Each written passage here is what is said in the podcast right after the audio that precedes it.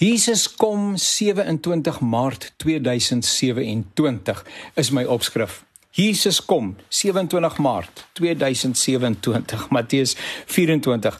Hulle sal die seun van die mens op die wolke van die hemel sien kom met groot krag en majesteit. Ek bedien my gemeente in Randfontein en ek geniet dit altyd daar.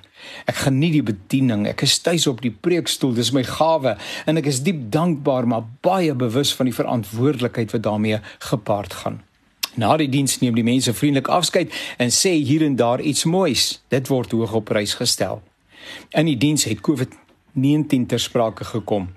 Iemand ontmoet my buite die gebou en vra of ek weet waarvoor COVID-19 staan. Ek stel min belang maar waardeer die interaksie. Ek dink ons is verby COVID emosioneel, intellektueel in alle opsigte. Ons het van COVID-19 en al die retoriek daar rondom nou genoeg gehad. Dan vervolg hy: Lees Openbaring 9. Dis alles daar. Lees dit 9 keer. Blaai ook deur Daniël en 'n noeme hoofstuk. Die datum is daar. Skryf dit op. Wees gereed. Jesus kom weer 27 Maart of was dit 27 Julie, maar die jaar 2027. Die entoesiastiese Bybelstudent twyfel geensins nie. Hy druk 'n papiertjie in my hand en vra dat ek dit ernstig sal lees. Dis alles daar. Jy kan my skakel, dan gesels ons verder daaroor, sê hy. Nee sê ek vriendelik. Ek wil nie verder daaroor gesels nie. Want daar's belangriker dinge waarmee ek besig moet wees. As met spekulasie van wanneer Jesus kom. Meer as 2 miljoen mense gaan slaap honger saans. Meer as 60% van ons jong mense het nie werk nie. Dienslewering is aan flarde, nog meer ontstellend.